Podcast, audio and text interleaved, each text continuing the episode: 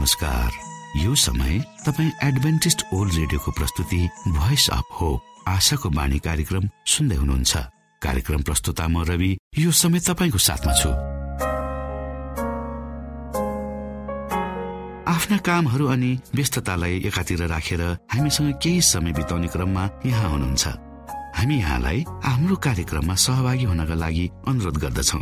हामी साँचो परमेश्वर तपाईँलाई माया गर्ने परमेश्वर। तपाईँलाई उद्धार गर्न चाहने परमेश्वरका विषयमा जानकारीहरू प्रस्तुत गर्ने क्रममा छौ।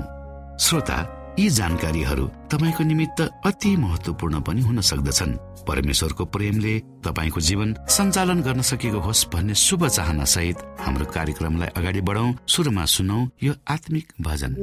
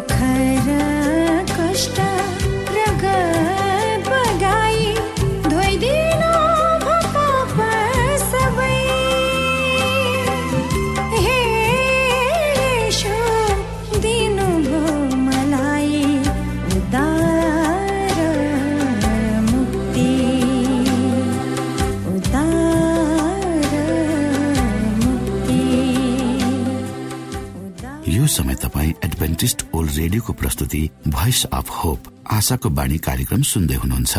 श्रोता मित्र यो समय हामी पास्टर उमेश पोखरेलबाट आजको बाइबल सन्देश सुन्नेछौ। श्रोत साथी न्यानो अभिवादन। म तपाईँको आफ्नै आफन्त पास्टर उमेश पोखरेल। परमेश्वरको वचन लिएर यो रेडियो कार्यक्रम मार्फत पुनः तपाईँहरूको घर आँगनमा उपस्थित भएको छु। मलाई आशा छ तपाईँले हाम्रा कार्यक्रमहरूलाई नियमित रूपमा सुनिरहनु भएको छ र परमेश्वरको आशिषहरू प्राप्त गर्दै हुनुहुन्छ। श्रोता आउनुहोस् आजको प्रस्तुतिलाई पस गर्नुभन्दा पहिले म परमेश्वरमा अगुवाईको लागि प्रार्थना राख्नेछु। जीवी जिउँदो महान दयालु परमेश्वर प्रभु हामी धन्यवादी छौँ यो जीवन र जीवनमा दिनुभएका प्रशस्त आशिषहरूको लागि। यो रेडियो कार्यक्रमलाई म तपाईँको हातमा राख्दछु। यसलाई तपाईँको राज्य र महिमाको प्रचारको खातिर यो देश र सारा संसारमा तपाईँले पुऱ्याउनुहोस् ताकि धेरै मानिसहरूले तपाईँको ज्योतिलाई देख्न सकुन् बुझ्न सकुन्। सबै बिन्ती प्रभु यीशुको नाममा। आमेन।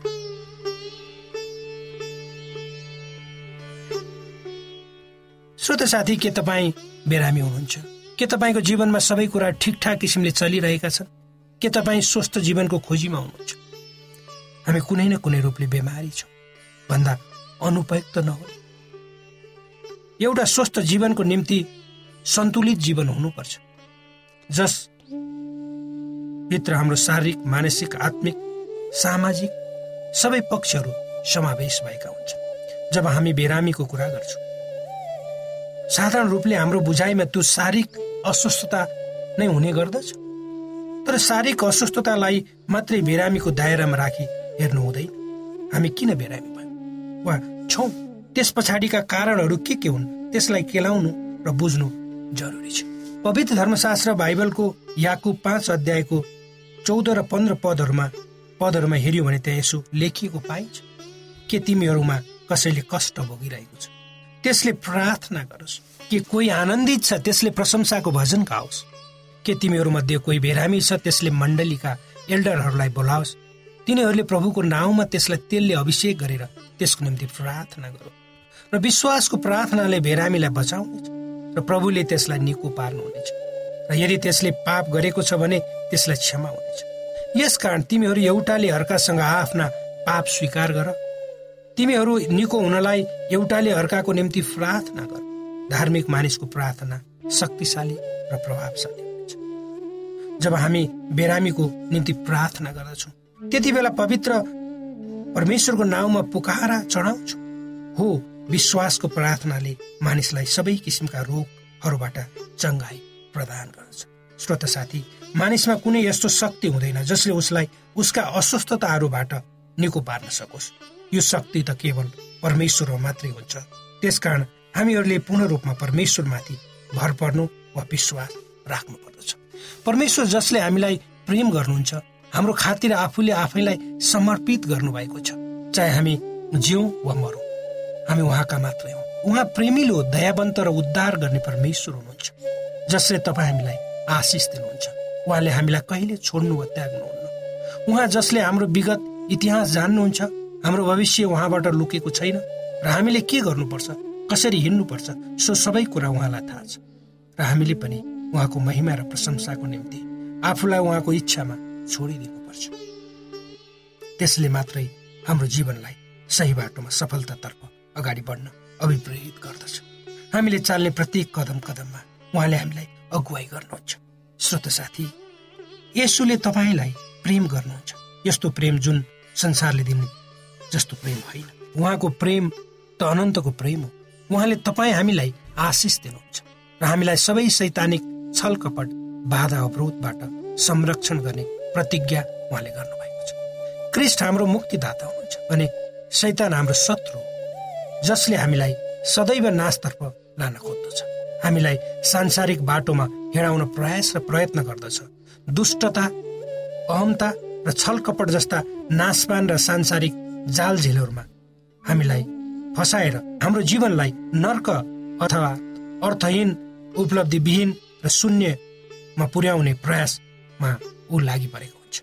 परमेश्वरले तपाईँ हामी कुन बाटो हिँड्नुपर्छ कसरी सांसारिक जीवनबाट जोगिनुपर्छ भनेर विभिन्न माध्यमहरूद्वारा सचेत गराइरहनु भएको छ। यस सन्दर्भमा हामी को हौँ र कसरी अगाडि बढ्दैछौँ वा हामी बढ्नुपर्छ जस्ता कुरालाई हामीले ख्याल गरेर अगाडि बढ्यौँ भने निश्चय नै हाम्रो जीवन सुखी समुन्नत र शान्तमय परमेश्वरको इच्छा भनेको हामीले उहाँमा पूर्ण भरोसा गर्नु हो र त्यो भरोसाले हामीलाई सही बाटोमा डोर्याउँछ। हिँड्न अगुवाई गर्दछ। अर्थात् यो हाम्रो आफ्नै असलको निम्ति हो भन्ने कुरा हामीले कदापि बोल्नु हुँदैन। अर्थात् परमेश्वरले जे गर भन्नुभएको छ त्यो हाम्रो भलाइको लागि हाम्रो राम्रोको लागि।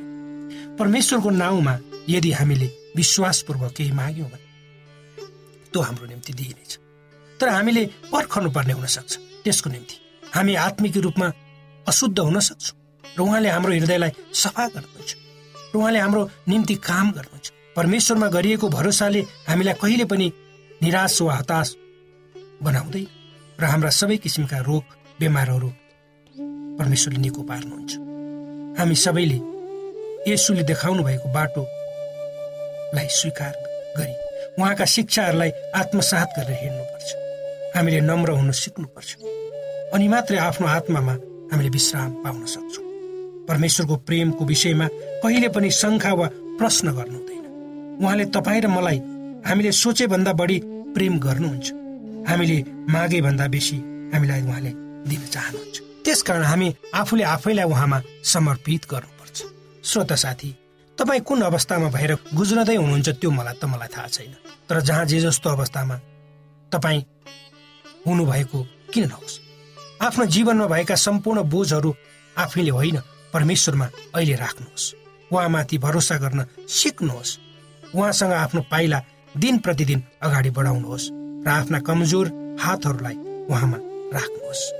अनि तपाईँलाई परमेश्वरले डोर्याउनुहुन्छ। जीवन के हो र त्यसलाई कसरी चलाउनु पर्छ भनेर सिकाउनुहुन्छ।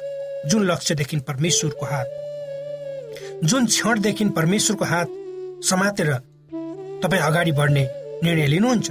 त्यही समयदेखि जीवनको आनन्द तपाईँले महसुस गर्नुहुनेछ। कतिपय अवस्थामा हामी हाम्रा पापहरूलाई परमेश्वरमा ल्याउन चाहँदैन। हाम्रा पापपूर्ण स्वभावहरूबाट हामी स्वतन्त्र हुने इच्छा त गर्छौँ। बाहिरी रूपले मात्रै हामी पश्चाताप गर्छौँ। तर वास्तविक भित्री हृदयले त्यो पश्चाताप हामीले गरेको हुँदैन।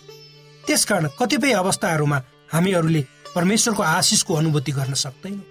त्यसैले त धेरै मानिसहरू परमेश्वरको राज्यमा प्रवेश गर्ने इच्छा त गर्छन् तर पस्न सक्दैन। परमेश्वरसँग सङ्गतिको अनुभव उनीहरूको जीवनमा हुँदैन कोसिस गर्छन्। श्रोत साथी परमेश्वर प्रेमिलो अनुग्रहकारी र रिस गर्नमा ढिलो तर आशिष दिनमा छिटो हुनुहुन्छ। हामी जस्तै जत्तिकै पापी किन्न। हाम्रो जीवन जत्तिकै खराब किन नहोस् उहाँले हामीलाई हाम्रा खराब पक्षहरूलाई हेर्नुहुन्न तर हामीलाई जीवन दिन उहाँ चाहनुहुन्छ। जसरी एउटा बाटोमा फालिएको ढुङ्गालाई एउटा कलाकारले टिपेर आफ्नो घरमा लान्छ अनि त्यसलाई सफा गर्छ र त्यसमा आकर्षित मूर्ति बनाउँछ त्यसलाई सिँगारेर चम्काउँछ त्यही कुरा हाम्रो जीवनमा पनि लागु हुन्छ। हामी सांसारिकतामा काम नलाग्ने रूपमा थियौँ वा छौँ अनि परमेश्वरले हामीलाई संसारको दलदले हिलोबाट निकाल्नुहुन्छ र उहाँको अनुग्रहद्वारा चम्काउनुहुन्छ। तर जसरी काम नलाग्ने गरी फालिएको ढुङ्गाले आफूलाई जे गर्दा पनि जसरी सिँगार्दा पनि कुनै प्रतिरोध गर्दैन। त्यसै गरी परमेश्वरले जब हामीलाई संसारबाट टिप्नुहुन्छ अनि उहाँका हातले हामीलाई चम्काउने प्रक्रिया सुरु गर्नुहुन्छ त्यति बेला हामीले आफूलाई परमेश्वरले जे गर्नुहुन्छ त्यसैमा छोडिदिनुपर्छ। कुनै प्रतिरोध गर्नु हुँदैन तब मात्र हामी उहाँको इच्छा अनुसार सिँगारिन्छौँ। परमेश्वरले यी वचनहरूद्वारा तपाईँ र मलाई आशिष दिउन्।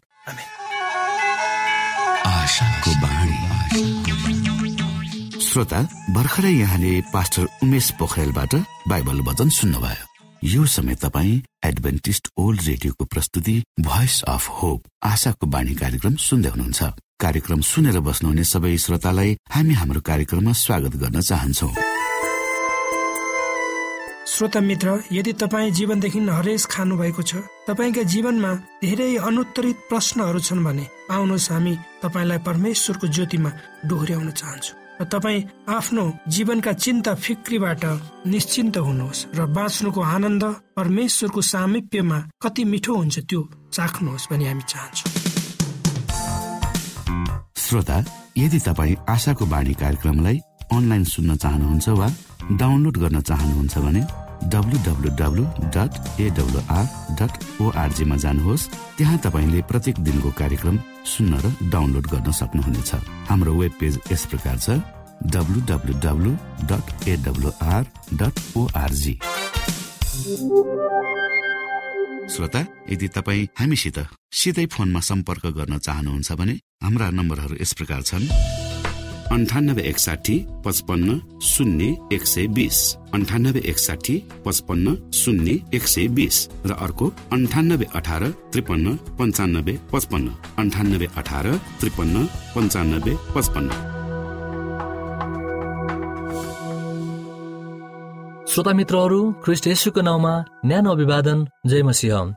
म तपाईँहरूको साथी उमेश यमन थापा सदा झै तपाईँहरूको माझ उपस्थित भइसकेको छु।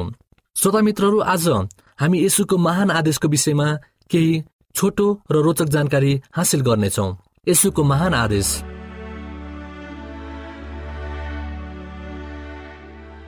अनि तिनीहरू कहाँ यसु आउनुभयो। उहाँले तिनीहरूलाई भन्नुभयो पृथ्वी र स्वर्गका सारा अधिकार मलाई सुम्पिएको छ। त्यसकारण तिमीहरू सारा राष्ट्रहरूमा गएर मेरा भक्तहरू बनाऊ। परमेश्वर पिता पवित्र आत्मा र पुत्रको नाउँमा बत्तिसमा देऊ। मैले तिमीहरूलाई जे जे सिकाएँ त्यो तिनीहरूलाई सिकाऊ एकदम अन्तिम क्षणसम्म म तिमीहरूको साथमा सधैँ हुनेछु भनेर मतीको पुस्तक अठाइस अध्यायको अठारदेखि बिस पदमा लेखिएको छ। यसोले आफ्नो चेराहरूलाई दिनुभएको स्पष्ट निर्देशन त्योभन्दा उत्तम अर्को के होला र? तिनीहरूको बीचमा यसो उभिनु भएको छ र पुनरुत्थान हुनुभएको यसु। तिनीहरूले उपासना गरेको यसु। मण्डलीको सारा इतिहासमा आफ्ना जनहरूले बोक्नुपर्ने लक्ष्यको निम्ति यसुले आह्वान गरिरहनु भएको छ। तिनीहरूको अत्यन्त महत्वपूर्ण धर्म वा लक्ष्य भनेकै संसारको प्रत्येक राष्ट्रमा गएर यसुको चेला अर्थात् भक्तहरू बनाउनु हो। त्यसमा नै पूर्ण विराम लगाइएको छ। गलिलमा एघारजना चेलाहरूलाई दिएको निर्देशन र धेरै वर्षपछि पाटमोसको टापुमा बन्दी जीवन बिताइरहेका युवनालाई दिएको सन्देशको बीचमा भएको सम्बन्ध एकै खालको थियो भनेर बुझ्न त्यति साह्रो छैन। मैले अर्को स्वर्गदूत देखेँ।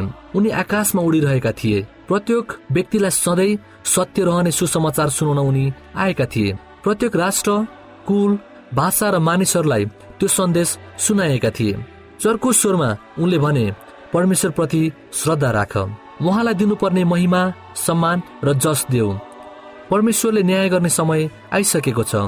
र स्वर्ग र पृथ्वी सृष्टि गर्नुहुने परमेश्वरको उपासना गर। समुद्र र पानीका मुहानहरू बनाउने परमेश्वरको आराधना गर भनेर प्रकाशको पुस्तक चौध अध्यायको छ र सात पदमा भनिएको छ। सारा राष्ट्रहरूमा सुसमाचार सुनाउन र फैल्याउन परमेश्वरले उहाँका जनहरूलाई र मण्डलीलाई आह्वान गर्नुभएको छ। हामीले के गर्नुपर्छ? सो गर्न पनि यसुले हामीलाई भन्नुभएको छ। यस संसारमा हामी यसु भक्त हौ भनेर दावी गर्छ भने हामीहरूको लक्ष्य यो हुनुपर्छ। पहिलो यसुको बारेमा र उहाँले हामीलाई के गर्नुभयो सो सत्य आत्मज्ञान फैल्याउनु युनाको पुस्तक तीन अध्यायको सोह्र पदमा लेखिएको छ। र दोस्रो कुरा वर्तमान समयमा यसुले के गरिरहनु भएको छ सो अरूलाई सुनाउन र भविष्यमा उहाँले हामीलाई के गर्नुहुनेछ त्यो पनि सुनाउन आवश्यक छ। मिसन अर्थात् लक्ष्यलाई बोकाएर कसैलाई पठाउनु भनेकै अरूको सेवा गर्न पठाइएको वा पठाएको भन्ने अर्थ लाग्दछ। कोही मानिस कतै जान्छ केही काम गर्नको निम्ति। त्यसकारण यसोले महान आदेशलाई बोकाएर उहाँका चेलाहरूलाई पठाउनु भएको अर्थ सारा संसारमा सुसमाचार फैलाउनु हो। मानिसहरूलाई पापबाट उद्धार गर्न परमेश्वरले चाल्नु भएको गुरु योजनामा सुसमाचार प्रचारक टोलीले प्रमुख अर्थात् आधारभूत भूमिका खेल्दछ। श्रोता मित्रहरू यस संसारको पापको भुमरीमा हराइरहेकालाई खोज्न परमेश्वरले पठाउनु भएको ती मानिसहरू मिसनरिज अर्थात् सुसमाचार वाहक टोली हुन्। अन्तमा इसाई मिसन अर्थात् सुसमाचार फैलाउने यसु भक्तको टोली परमेश्वरको हो तपाईँ र मेरो होइन। परमेश्वरले मानिसलाई सृष्टि गर्नुभयो र उहाँले मानव जातिलाई आत्मनिर्णयको अधिकार पनि दिनुभयो। परमेश्वरलाई विश्वास गर्ने वा नगर्ने उहाँको कदममा चल्ने कि नचल्ने सो मानव अधिकारको निर्णयमा न त परमेश्वरले हस्तक्षेप गर्नुहुन्छ न त कुनै मानिसलाई गर्ने अधिकार दिएको छ। अर्थात् असली धर्म स्वतन्त्रता बाइबलले व्याख्या गर्दछ। परमेश्वरले सृष्टि गर्नुभएको प्रथम मानव आदम र स्त्री हावाले त्यो आत्मनिर्णयको अधिकारको दुरुपयोग गरी। तिनीहरू अदनको बगैँचामा परमेश्वरको सामु रहने अवसर मा चोट पुर्याएर जसले गर्दा तिनीहरूलाई त्यस बगैँचाबाट निक्लन बाध्य भयो। तिनीहरूले स्वेच्छाले पाप गरी। परमेश्वरसँग सम्बन्ध विच्छेद गरेका हुनाले। तिनीहरूलाई आदनको बगैँचामा फर्काउन आफ्नो बल परमेश्वरले प्रयोग गर्नु भएन।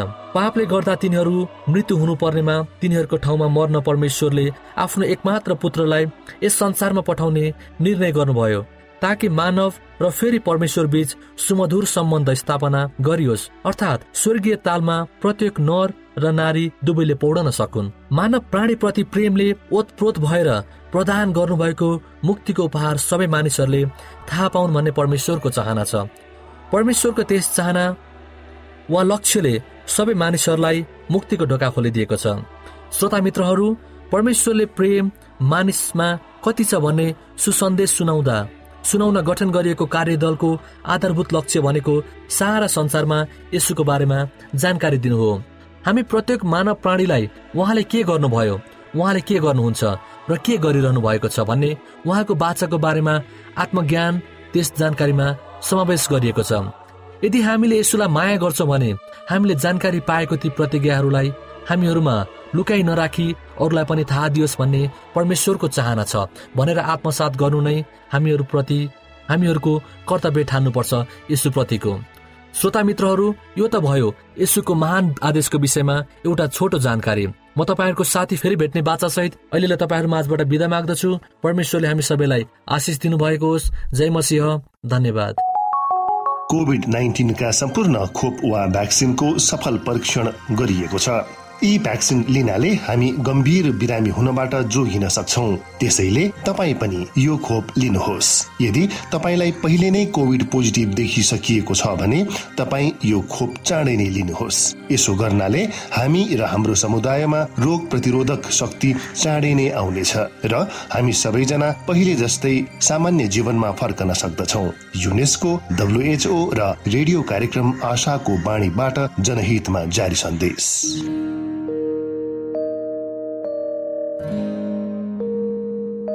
आदरणीय मित्र बाइबलले बताएको छ परमेश्वरले तीर्खाकाहरूलाई तृप्त पार्नुहुन्छ र भोकालाई उत्तम पदार्थले सन्तुष्ट पार्नुहुन्छ। हामीलाई दिइएको यो छोटो समय आशाको बाणीको प्रस्तुतिको समयमा हामीले हाम्रा श्रोताको आत्मिक भोकलाई केही मात्रामा भए तापनि सही प्रकारको खुराक पस्केर आत्मिक सन्तुष्टि दिन सकेका छौँ केही ऊर्जा थप्न सकेका छौँ भनेर हामीले आशा राखेका छौँ। आफ्ना मनमा भएका केही दुविधा र शङ्काहरू छन् भने अवश्य हामीसँग बाँडेर शङ्काको निवारण गर्नुहुनेछ र सही प्रकारको बाटो पहिलाउन सक्नुहुनेछ परमेश्वरको सच्चाइले अझ राम्रो बुझ्न सक्नुहुनेछ र आफ्नो जीवनलाई परमेश्वरमा पूर्ण समर्पित भएर समर्पण सहितको जीवन बिताउन सक्नुहुनेछ भनेर आशा राख्दै अब हामी हाम्रो कार्यक्रम सकिएको जानकारी यहाँलाई गराउन चाहन्छौ। जानुभन्दा अगाडि श्रोता हामी यहाँलाई हाम्रो ठेगानाको विषयमा जानकारी गरौं। हामीसँग पत्राचार गर्ने हाम्रो ठेगाना यस प्रकार छ। आशाको बाणी पोस्ट बक्स नम्बर दुई शून्य शून्य शून्य दुई काठमाडौँ नेपाल। आशाको बाणी पोस्ट बक्स नम्बर दुई शून्य शून्य शून्य दुई काठमाडौँ नेपाल। यसै गरी श्रोता यदि तपाईँ हामीसँग सिधै कुराकानी गर्न चाहनुहुन्छ भने हाम्रो फोन नम्बर यस प्रकार छ। अन्ठानब्बे एकसाठी पचपन्न शून्य एक सय बिस। अन्ठानब्बे एकसाठी पचपन्न शून्य एक सय बिस। र अर्को अन्ठानब्बे अठार त्रिपन्न पन्चानब्बे पचपन्न। अन्ठानब्बे अठार त्रिपन्न पन्चानब्बे पचपन्न। हामीलाई इमेल पनि गर्न सक्नुहुन्छ। हाम्रो इमेल एड्रेस यस प्रकार छ। Nepal at AWR dot ORG Nepal at AWR dot ORG यदि तपाईँ हामीलाई अनलाइन सुन्न चाहनुहुन्छ वा डाउनलोड गर्न चाहनुहुन्छ भने तपाईँ डब्लु डट एडब्लुआर डट ओआरजीमा जानुहोस् र त्यहाँ तपाईँले हाम्रा सबै कार्यक्रमहरू सुन्न सक्नुहुनेछ। हाम्रो वेब पेज यस प्रकार छ W W W dot AWR dot ORG श्रोता यसमा गएर तपाईँले हाम्रा दैनिक कार्यक्रमलाई सुन्न सक्नुहुनेछ र डाउनलोड पनि गर्न सक्नुहुनेछ। हवस् त श्रोता हाम्रो कार्यक्रम सुनिदिनु भएकोमा एकचोटि फेरि यहाँलाई धन्यवाद दिँदै भोलि फेरि यही स्टेशन यही समयमा यहाँसँग भेट्ने आशा राख्दै प्राविधिक साथी राजेश आडा पास्टर उमेश पोखरेल र कार्यक्रम प्रस्तुता म रवि यहाँसँग विदा माग्दछौ। परमेश्वरले तपाईँलाई धेरै धेरै आशिष दिनुभएको होस्। नमस्कार।